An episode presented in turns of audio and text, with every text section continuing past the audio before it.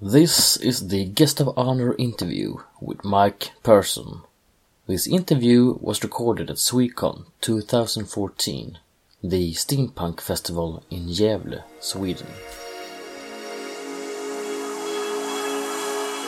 Swecon-poddar, en poddradio från svenska science fiction och fantasykongresser.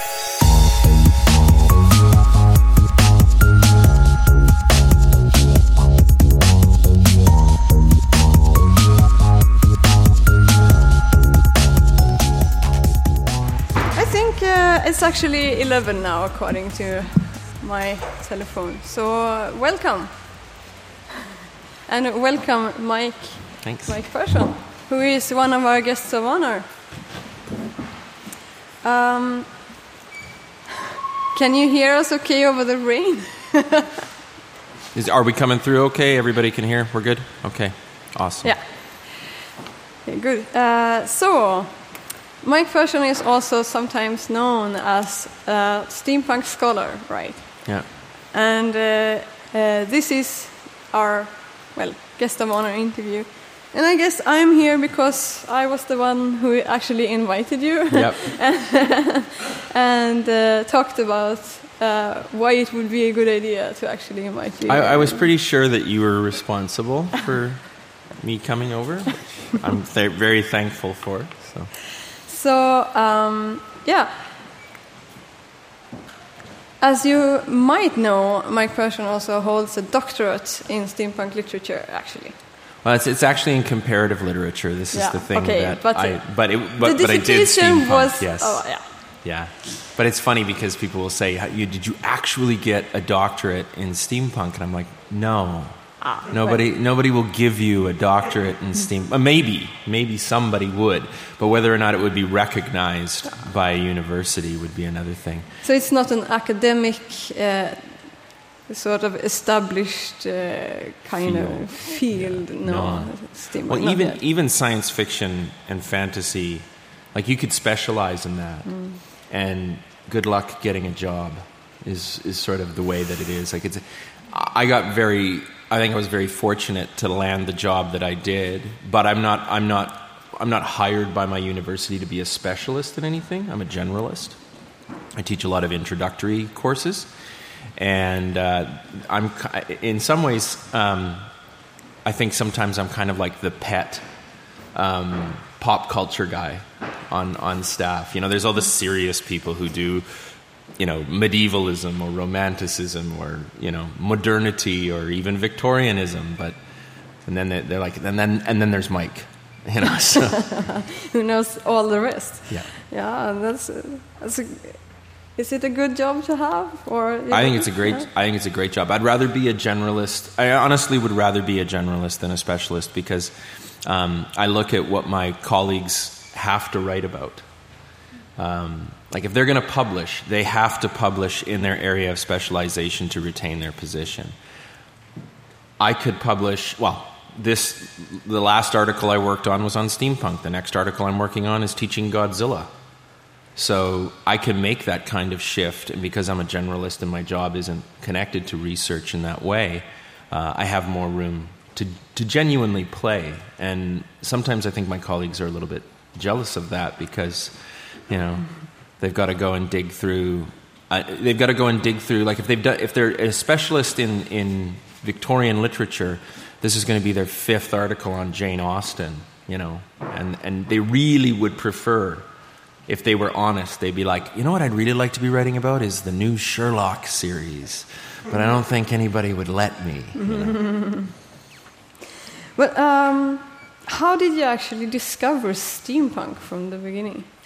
I had drawn a picture of Cinderella, and it was for a webcomic that I never got around to doing. Uh, but I had this idea of Cinderella. Just it, it- I used to. Does anybody remember Quake, the video game Quake? I used to play Quake, and when I would play multiplayer, shooting other people online, I always went with the female avatar, and I named her Cinder. Being really angry, because I mean, let's face it, wouldn't you be? You know, you've got you've got a terrible job, you have a really crappy employer, and you know your life is is in this dead end. And so I was just thinking about Cinderella as a grittier uh, character. So I'd drawn this picture of Cinderella using the same color scheme as the Disney uh, Cinderella, but giving her chopped hair, so it's a lot shorter and kind of hacked and falling over one eye, and and then she had soot because she. If you look in the fairy tales, she's the little ash girl, right? So soot on her face. Uh, and I imagined her working with the steam pipes and whatnot, and so she was holding, I think she was holding a wrench or something like that. And the, the apron ended up, I think, looking like coveralls to somebody because I posted it on a forum and somebody said it looks steampunk. And I'm like, how do you get that? I don't even know what that is for starters. That was what I thought at the time. And, and how did they get that just by looking at this girl with grime on her face? So it was, it, it was an area of interest. And then I, I wrote a paper on alternate history during my master's uh, coursework and came across Steffen Hantke's um, article that he wrote in 1999 on steampunk and then I was then now I'm introduced to it in a you know oh there's actually literature. This isn't just you know Will Smith and Wild Wild West or League of Extraordinary Gentlemen the film. And and when it came time to do my PhD my advisor who I'd worked with on my masters we had a really good working relationship. And she said what are you thinking of doing next? And I said well, I'm either going to do the new Nine Inch Nails album because it was a concept album and it was dystopic, and I thought, oh, that'd be fun to connect all of what was done with this uh, pop album with the you know sort of works like 1984 and Brave New World and Yevgeny Zamyatin's We, and she said, no, no, no, no, dystopia's been done. It's been done to death. uh, what else do you have? And I said, well, I was thinking maybe steampunk. And she said, You do steampunk, I'll be your advisor again. And she said, Nobody's done anything on it. So it's, it's waiting for somebody to come in. Because Steffen Hantke had done his article and then nobody else had published for uh, quite a while. There, there, are, there are a few articles littered in there, but nobody had really undertaken to look at the whole thing. And so she's like, This is new. So go for it. And I wanted to work with her again. So, uh, as much as I would love to say the thing that I hear so much, which is well, I was steampunk before I even knew what it was. I wasn't. I was heavy metal. Um, so.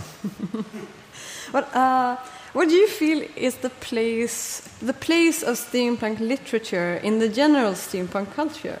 I mean, how, what is the interplay between literature and, and all of the rest? Well, Cory Doctorow did a really good job, I think, of saying how the waves went during that first uh, guest of honor panel last night. He said, you know, you have that first um, group of writers Michael Moorcock in the UK, and then the three Californian writers, Blaylock, Powers, and Jeter, uh, in the late 70s into the 80s. And then you get William Gibson and Bruce Sterling doing the difference engine. And then it's gone.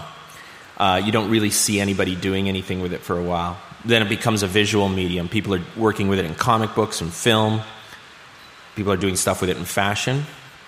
And then you get a new wave of writing. Now, it wasn't that steampunk wasn't being written, it's just that nobody was calling it steampunk. There were lots of books written between uh, The Difference Engine and, say, Cherie Priest's Boneshaker, which I think really put steampunk back on the map, getting a Hugo nomination, being taken seriously. Um, so the culture, the culture of steampunk uh, emerged as a as a sort of let's put this on as fashion or, or costume or uh, an artistic movement before the publishing industry realized there was a there was an audience to really push this to. And so um, the first wave nobody even really knew about. So when you ask the question like what's the interplay between steampunk literature? Um, i would talk about the original writers at conferences and people would just stare at me. This sort of glazed look. Or like james blaylock. Jim blaylock is the first writer in the united states to write steampunk. He wrote a short story before anybody else had done it uh, called the ape, Bo- ape box affair. It's hysterically funny. It's like reading a keystone cops uh, sort of thing. It's great. Um, but I did a, I did the very thing that we're doing right now, a guest of honor interview with Jim at SteamCon, which was a Seattle uh, event, and it was a big convention. And we were in a room about double the size the one we're in right now. It was massive. And there was about as many people as are here this morning in this massive room for, the, for a guy who would, could be considered sort of one of the godfathers of, you know, the the guy who starts this up in America and there just weren't that many people there. And so, uh, with the first wave of literature, I don't think there's really very much of a relationship. With the second wave of literature, um, you mostly find people who have read the really popular stuff, but then there's lots that they don't know about. Or they read like the comic books, they read Girl Genius, and they know that up and down and back and forth. That's what I find a lot of. But um, people who, who exclusively read steampunk are few and far between. Um, they're usually, you know, academics or bloggers looking to, to, to write about all this sort of stuff. But uh, I, don't, I don't find a huge interplay. I find actually that the literature is reacting to the culture. So that when writers, writers decide they're going to write steampunk, you see a lot of these people at uh, conventions in the States. They've decided they're going to write steampunk. Now, how do they research this? Google image, they go on and look on they look at pictures of you know you guys. And they go that's what steampunk is so i guess i have to write those people into my my book. Um, and uh, so that, that, there's definitely that interplay going on. Mm-hmm. what is what is your impression so far of uh, of this festival here? I mean compared to other steampunk events that you have been to and everything. It's you guys are fun. It just and welcoming in a way that um, it's not that it's not that like any of the cons I was at in the last few years were particularly rude, but um, and again, this got talked about yesterday in the, the first guest of honor panel, where you have this first glow of people discovering that other people, like just like you, you were saying yesterday, you have all you know. You, I've discovered steampunk, and they're excited about it, and then they find out that there are others like them. And there's something very joyful about finding your community, right? Finding your people, as it were. And then things move along, and as is the case with large groups, you always end up with somebody coming along and saying, This is the way it should be done. And anybody who doesn't do it this way is doing it wrong. And we saw that within like a year or two of the first big conventions happening in North America, there was a snobbery that emerged, where you would see people walking around with this "I'm more steampunk than you" uh, attitude. And what's been fun about just last night was there was that same um, feeling that I had when I went to my first steampunk convention in California in 2008. It was great because everybody's just walking around with a big smile on their face, going, "Holy crap, this is awesome!" Mm-hmm. Right? And that was and I, I, just found it i find it's been very very welcoming and a lot of fun. And like the group last night I, um, talking about books. People don't come out for talks about books most of the time. And there was tons of people in the room and they were really enthusiastic. So it's been great in that respect. Mm-hmm. that's wonderful. I wonder do you think that uh, steampunk as uh, well as a phenomenon can sustain a subculture? Uh, for for longer than a few years, or is it like uh, predestined to to, to, deteriorate in a while uh, into something else? Or um, I don't want to say a ton about this right now because it's no, sort of it's difficult to predict. But uh, no, but it, it, there's a bit of it that I wanted to save for my the ah, speech ah, tonight at the banquet. It, but yeah. you know what? I'll just you, you know it bears repeating. So uh, when I started my research in, in, in 2008, there was an article on the, online at a site called Gizmodo, and it was steampunk is dead and I thought, oh, shoot. I, I just got to the party and now it's over, you know? Um, and I really hoped it wasn't over. I mean, it wouldn't have been a problem because I'm, I'm, a lit, I'm a literature guy. And we are always study. We study dead authors. We study dead languages. We study dead movements. You know, so if steampunk was dead, it wasn't really going to be a problem for me. But I was enjoying it, and I really hoped it hadn't gone away. And then it turned out that it hadn't. 2012 came around and steampunk was dead again, and this time it was Justin Bieber's fault because he'd done this music video and included steampunk in it. And so there was a lot of people who were really upset about that. And they're like, steampunk's dead. Now that it's gone, it's popular, it's mainstream, it's dead. And it's not. Um, it, it's cooling off in the States. There are fewer conventions. Some of the bigger conventions have stopped operating, uh, they just can't keep doing it. But last uh, November, we had the first big steampunk event in Edmonton that we've had ever. And it was great. And my wife and I were looking at it we're saying, this feels like when we were down in California or when we were down in Seattle. And then, you know, I come halfway around the world and it looks to be alive and healthy here as well. So um, I think that steampunk is. I don't think it's, it's one of those things where you can say it will never die.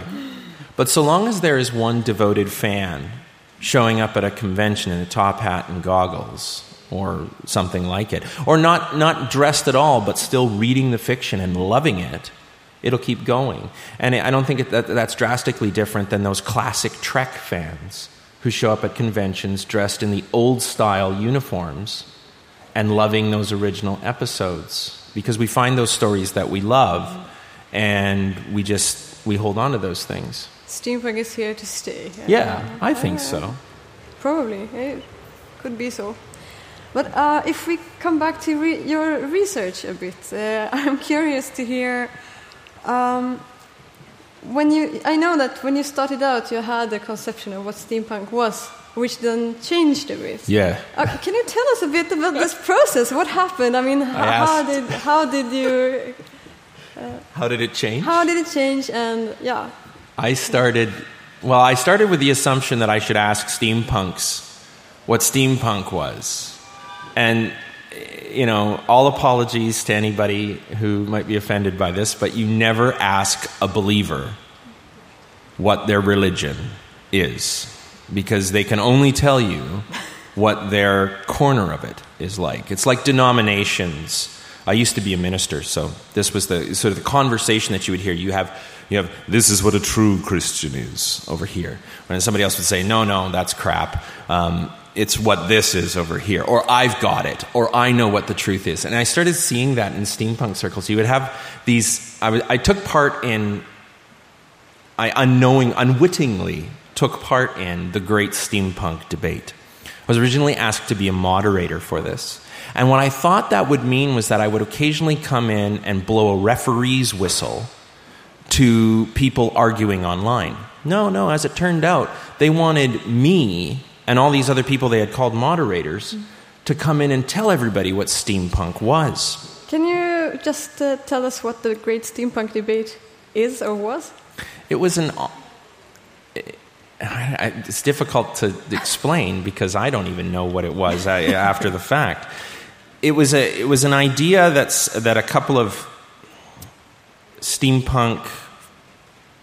I don't even know what to call them. Can you call them fans? I guess um, had, they wanted to settle the argument of what steampunk was once and for all, like they could. And so they went around and they collected experts. And then they brought us all online to fight. It was like a video game. I felt like I was on Mortal Kombat or something like that. And, and you would have people come into this conversation and they would say, Steampunk is what I think it is. This is sort of how you boil down what they'd say. Steampunk is what I think it is because I am a steampunk, therefore, steampunk is what I am. Well, that's a tautology, right? It's a terrible way of thinking about what something is. It's not based in evidence, it's not based in observation, it's very personal and it's very subjective. And what that led to in the worst case scenario is that you would have somebody say, Steampunk is what I do and then it excludes anybody who doesn't adhere to that. And that bothered me um, because initially in my research, I had been told steampunk was really inclusive. Steampunk welcomed everybody. And, and, then, and also the phrase steampunk could be anything, which I thought was a ridiculous thing to say. Steampunk can't be anything. You can steampunk anything but steampunk can't be anything. Like I would say to somebody, like, are you going to tell me that if, again, if I come in dressed as Captain Kirk in the classic, you know, Star Trek, well, you'd be welcome, they said. I know, I said. I'm sure I'd be welcome. But you wouldn't think, that's a great steampunk outfit. You'd think, you're at the wrong convention. You know, you, you took a wrong turn somewhere. Um, and, and so my participation in this online debate was probably one of the turning points in my research where I, I thought, okay, I've been, I've been uh, relying on steampunks to tell me what steampunk is. And I realized that that was a, probably a flawed premise because people would say to me, steampunk needs to be political. Okay.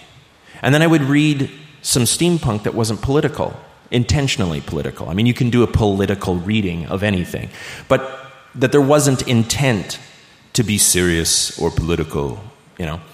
And so people would say steampunk needs to be political. You know, you got to have punk in steampunk was their their thing. And you have to have rebels. There has to be a rebel or it can't be steampunk. If it's just Victorian fantasy, then it's not steampunk. And I thought, well, then we have to throw out Tim Powers, who had been assumed to be part of the original Steampunk 3. And then it turned out we'd have to throw out Jim Blaylock, too. And then we'd have to throw out K.W. Jeter on top of it. And I'm not really sure that we got to keep Michael Moorcock after a while. It started to seem like we'd have to throw everybody out at, at some level unless it fit this, this very rigid set of, of, you know, sort of tropes. And the other thing that I saw was people going, um, this is what we see very commonly in steampunk. And then they'd list like 25 things. I'm thinking we see that commonly 25, all 25 of these things show up in every, and then you'd read another book and it'd be like, nah, you missed 15. Sorry, you're not in the club. We have to kick you out. So I, I reversed my approach, and what I did was I started to look at it as a style, as an aesthetic. That's the word that I've used over and over again was aesthetic. And, or style. It's, I think style is an easier way of, of talking about it. That gets applied to all sorts of different types of stories. Because I ended up, by the time I was done my research, having read uh, over 60 novels and just comparatively looking at those, attending a bunch of different conventions, reading the comics, watching the movies, and looking for those things that were common to all of that. Rather than coming in and saying, this is what steampunk is, and now I'm going to make everything fit my definition I wanted to go in and look at everything that somebody, you know, that there was some consensus about people saying that's steampunk or that's steampunk or that's steampunk, and saying, what do you see over and over again in those books, in the fashion, in the decor? What shows up over and over again, rather than saying it has to be this? Because really, how do you, how do you express rebellion in steampunk decor. Like my wife's an interior uh, designer, decorator, and she brought home a tile catalog about two years ago, and it had a tile set called Steampunk. It mostly looked like rust had sort of collected on your floor. Um, but I'm thinking to myself, if I went with the definition that steampunk had to be political, how, how could I make this tile political, you know? So that's, that's, I think, how it changed, was being exposed to people who said, it has to be this way. And then going, but there's all this stuff going on. And if it has to be this way, we lose so many expressions that, that people would say, you know, that's steampunk, or we would read or look at and say, that's steampunk. Do you have any? I mean, I guess you get this question a lot. What is steampunk? Yeah. So, do you have kind of a short no. version that you can? I'm say? an academic. We don't no. have short versions. ah, that's good. What What do you say if someone tells you, well, steampunk is Victorian science fiction? Uh, Steam comes out my ears because, as an I don't know how many of you guys hang around academics, but we're really interested in precision. Science fiction as a term didn't really come into common use until the 1920s, 1930s. This is exactly what I told the journalists last Tuesday when we had our press meeting here. Yeah. And I, I said, you shouldn't say science fiction because the term didn't exist. and then they laughed at me, and the people from the museum here they told me I was so nerdy that I Yeah. maybe it wasn't very pedagogical. Maybe Well, it is. It is on the one hand, and yet on the other, um, I think the trouble with saying, even if we were to say, okay, well, we know what science fiction is, so okay, the term wasn't used until the 30s, but let's just say Victorian science fiction. Well, that's Jules Verne, that's H.G. Wells, that's Edgar Allan Poe, and that's not steampunk. Steampunk is very much a product of the late 20th and early 21st century. We, in as much as we can say there are some links to Victorian culture in the way that we live today, or uh, Oscarian culture um, in the way that we live today, we're not like those people. We have lots of difference. And I think the trouble with calling it Victorian science fiction is that it, it loses. Um, it loses this modern view, this modern gaze.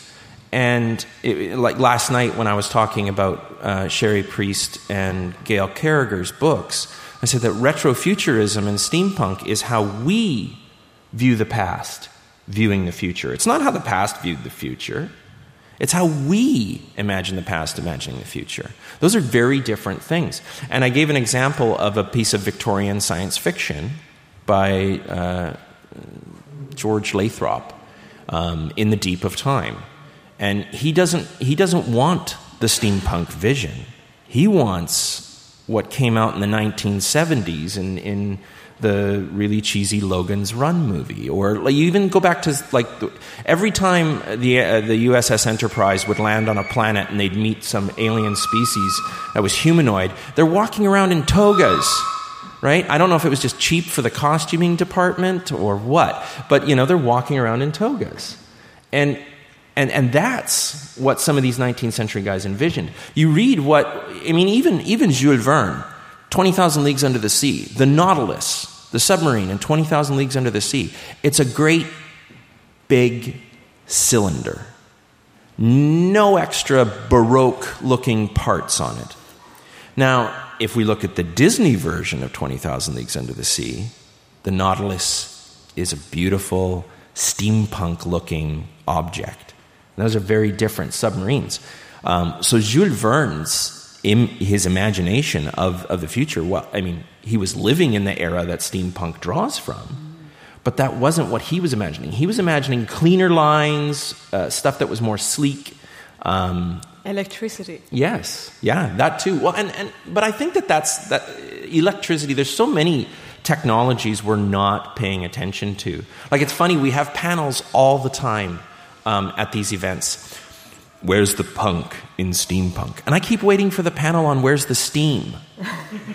and that's that's one of the differences between other events I've been to. By the way, I've never been to an event where the train got this much play. And I mean, I realize we're at a rail museum, but this is significant, you guys. Please do drink it in. Because, you know, I go to these, and they're usually in hotels. And, and the best you could hope for was that there were some steampunk makers in the local area who had a car that they, you know, modified or a motorcycle or something like that. Or when I was in San Francisco, they brought, if you've ever seen it online, the Neverwas Haul. It's a, it's a it's a house on a on wheels. It's incredible, um, and so you get that kind of thing. But I kept saying, "Where that expletive deleted? Where the heck are all the trains?" Even in the even in the literature, I had to wait until 2010 when Cherie Priest wrote Dreadnought for there to be a significant moment with a train in steampunk, because otherwise it was all you know, 15 million other things. But anyway, sorry, that was digressive. I ran off. No, but it's interesting, really. I think, um,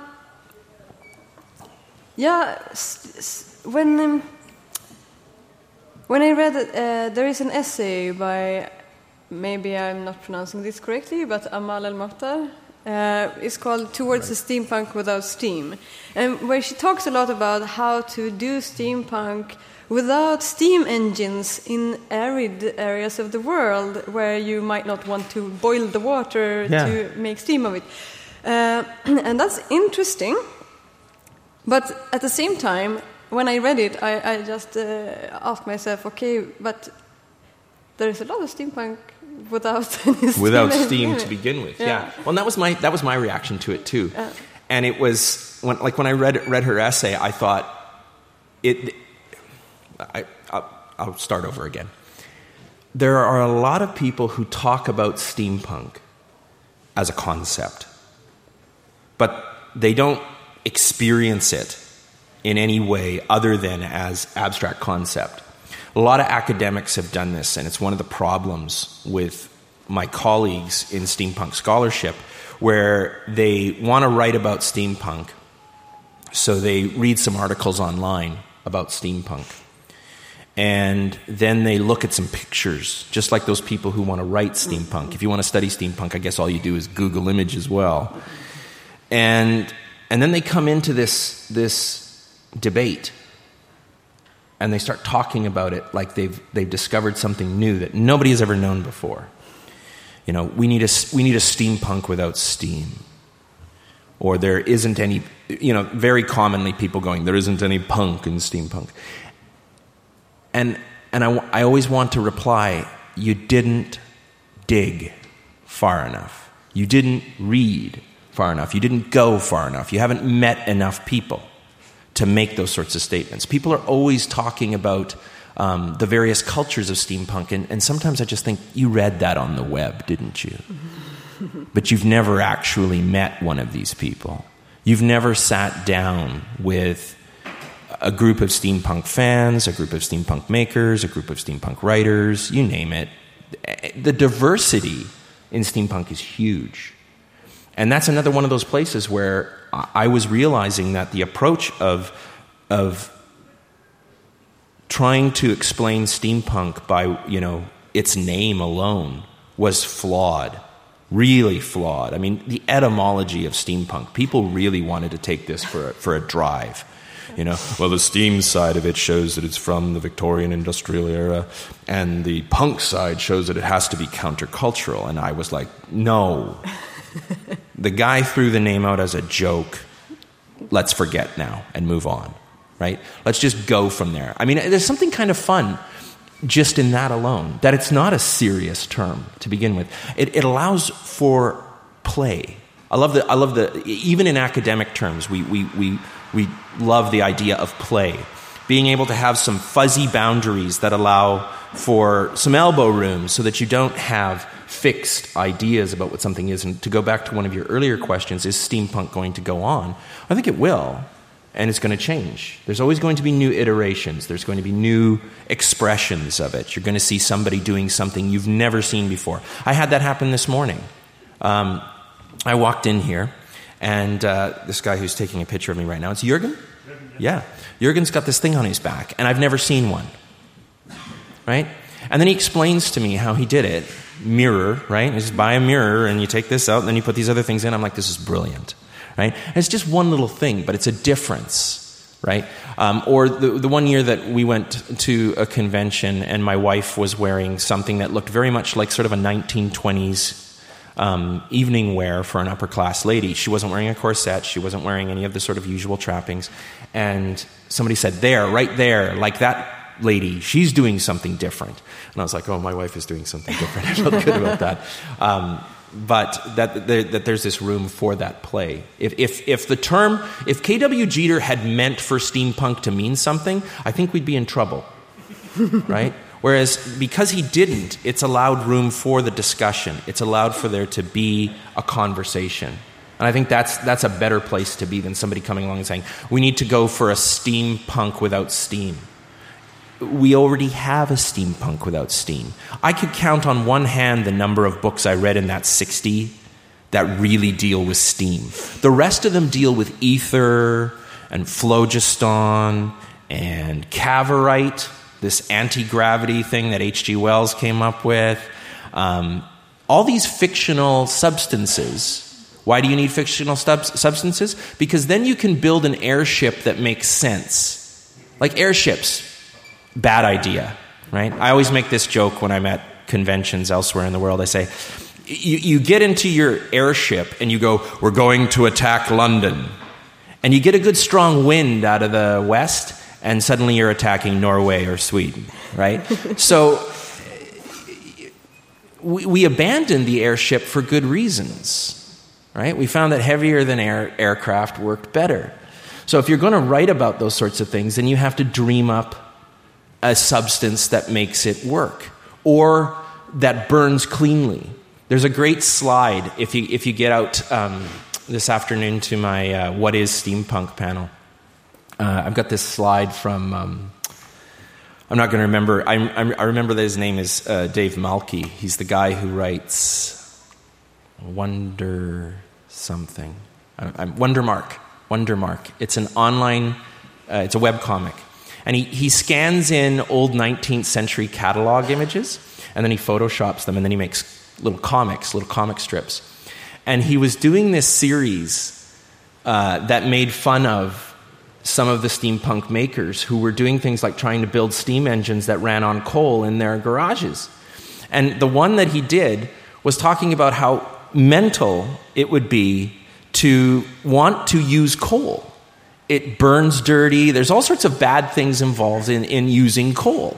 And so he's like, why are we trying to do this? This is, we, we, we gave up on this for a good reason, right? So if you're going to want to imagine an eco-friendly steampunk, you can't really go coal. Coal will be good. I mean, we've got great statistics on you know coal mining and how dangerous it is. So it, it's it's interesting. I'm not even sure how did we get there. I'm just wandering around, aren't I? well, this is really interesting. I think.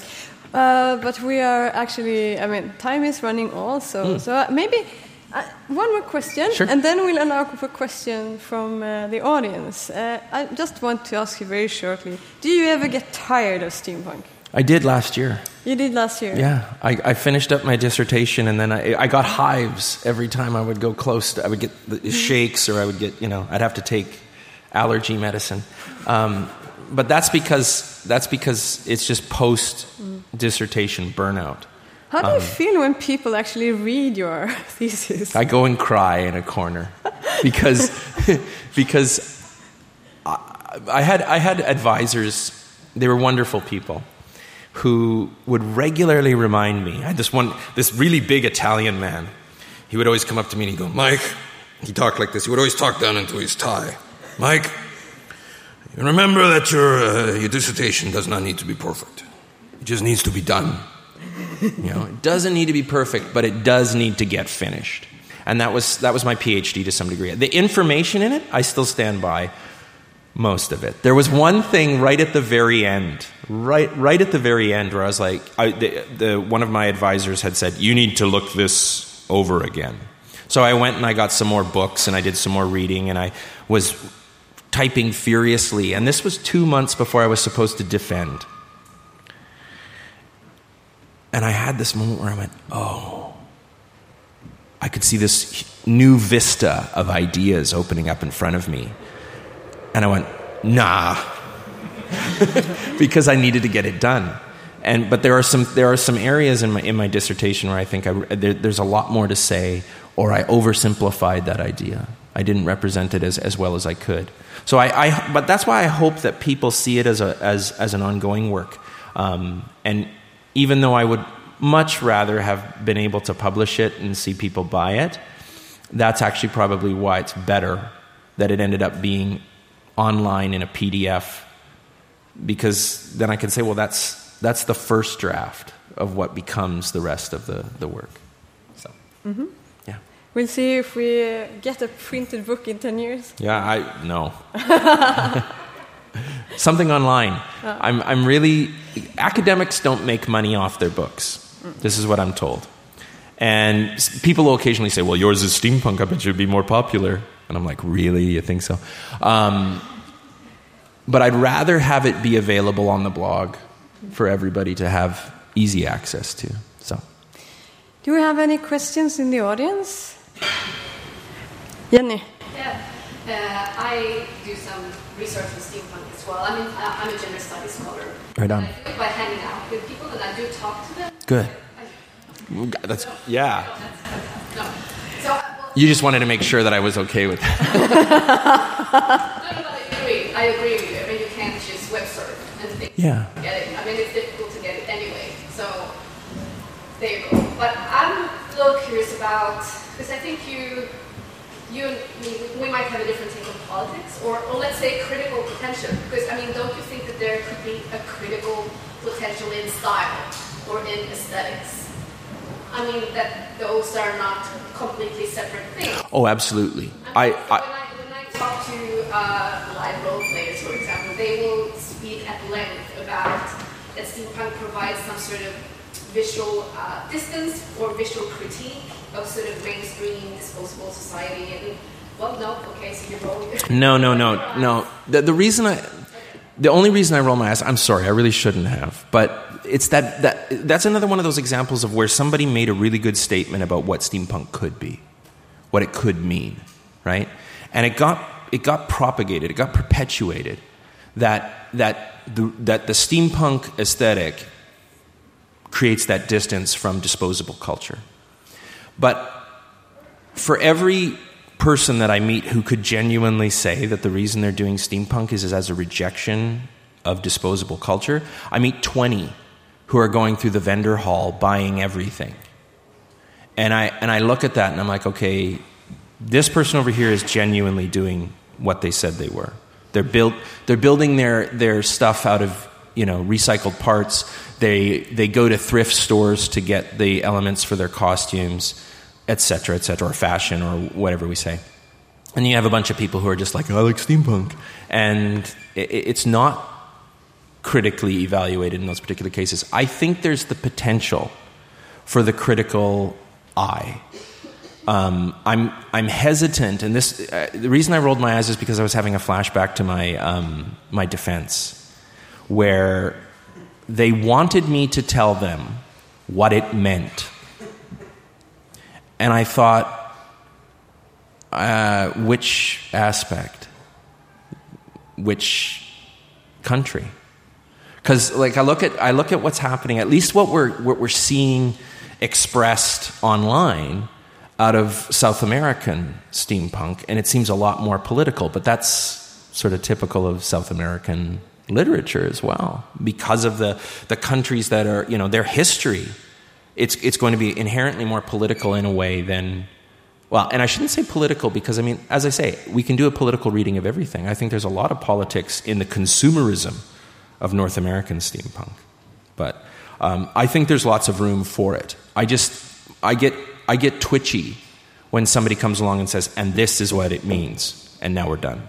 But I, I didn't get the impression that that's what you were saying. But you're, you're asking if there is room for that critical eye. Yes? Yeah. If, If, if, if style, if steampunk defined as style, whereas an aesthetics could also have a critical potential, which is very open. Yes. Yeah. Oh no, it does. But and this this was this was um, when I first came out and said I just think steampunk is an aesthetic. I just think it's a style. Um, Magpie Killjoy, who ran, yeah, it, he was like, "What? I just I can't accept that. I can't accept that my thing that I love so much is just an empty vessel that you can pour anything into." And I'm like, "Why is that sad?" That's that's a really good thing. It means that people like Mag- Magpie Killjoy can put that anarchist view into the cup and go crazy with it. And they don't have to come over to the, the people whose cup is just, I'm having fun, you know, and I'm not really thinking about this and, you know, sort of ruin the, ruin the party, as it were. I, I, I guess as, as an academic, I'm really big on sort of the middle position. Yeah, me too. That's Yeah. why I asked the question. Brilliant. Love it. Thank you. I think we've run out of time actually, but I'm sure that if someone still has any questions for Mike, it would be possible to find you here and just Yeah. ask the question directly. For sure. Sure. So, um, well, thank you for coming here and being our guest of honor. Thank you. And thank you all for listening. Yes. Thanks for coming out this morning, guys.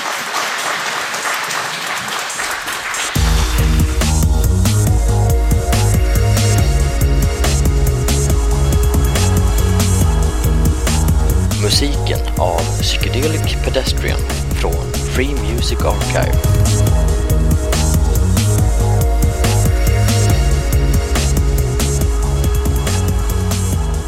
Besök gärna vår hemsida på svekonpoddar.se